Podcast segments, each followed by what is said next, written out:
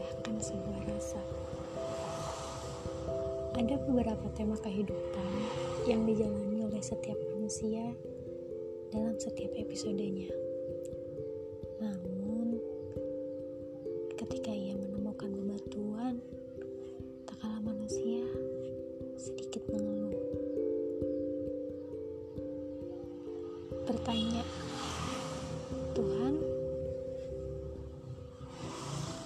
mengapa ini menghampiriku? Tuhan, kenapa hal ini terjadi padaku? Tuhan, kenapa aku tersisihkan dari hal-hal yang berkaitan dengan kebahagiaan? Mungkin banyak dari mungkin banyak dari kalangan manusia seperti aku yang menginjak di umur 22 tahun makna sebuah kehidupan. Untuk bisa mencerna bagaimana menjalani sebuah kehidupan. Bahkan untuk melewati kehidupan pun terkadang tidak tahu mana arah yang harus ditempuh. Seharusnya di umur yang sudah menginjak kepala dua ini sudah tahu dong apa yang harus di apa yang harus dituju ketika dulu di masa-masa kuliah memiliki banyak segala banyak sekali perencanaan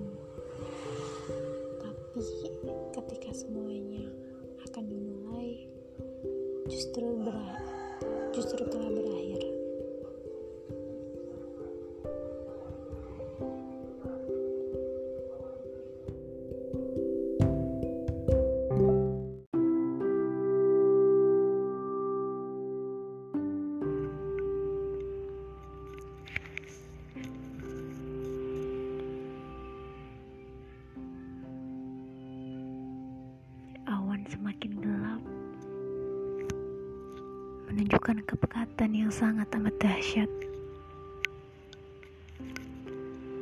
Rintik hujan mulai turun, beradu dengan jalanan yang berdebu. Matahari mulai menenggelamkannya. Disambut dengan cahaya warna berwarna merah.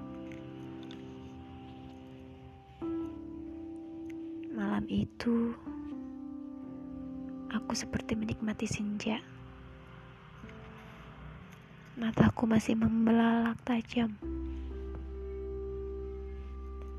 Sambil merintih kesakitan. Aku bertanya pada Tuhan, apa sebenarnya yang terjadi pada diriku ini? Kesakitan yang amat dahsyat. Dengan sentuhan yang begitu menyakitkan.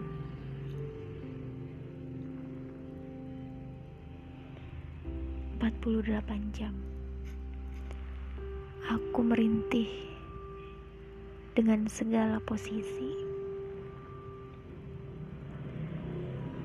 nasib, takdir, entah apakah ini Tuhan.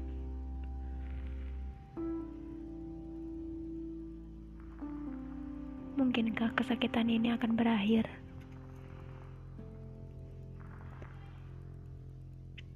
Apa yang aku butuhkan saat ini? Sentuhan, ya sentuhan. Aku mendapat sentuhan kasih sayang dari tangan halus mereka. Betapa mengharukan aku ketika terlelap, tak berdaya. Aku hanya bisa merasakan tangan yang menggenggam erat, sembari membisikkan, meyakinkan bahwa semua akan baik-baik saja. Aku hanya mampu membuka mata yang tak seperti biasanya. Dari balik sudut jendela, aku hanya mampu melihat senyum sang ibunda mengusap dengan penuh kelembutan, memposisikan bahwa ia sebagai ibu yang memelukku erat. Kala kesedihan mulai pecah tak berdaya, kesadaranku pulang dengan sempurna.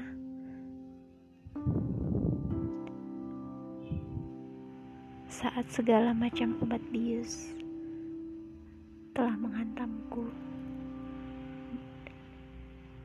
waktu demi waktu, sampai aku mampu mengatakan. Terima kasih Tuhan, aku masih dapat bernafas di dunia nyata.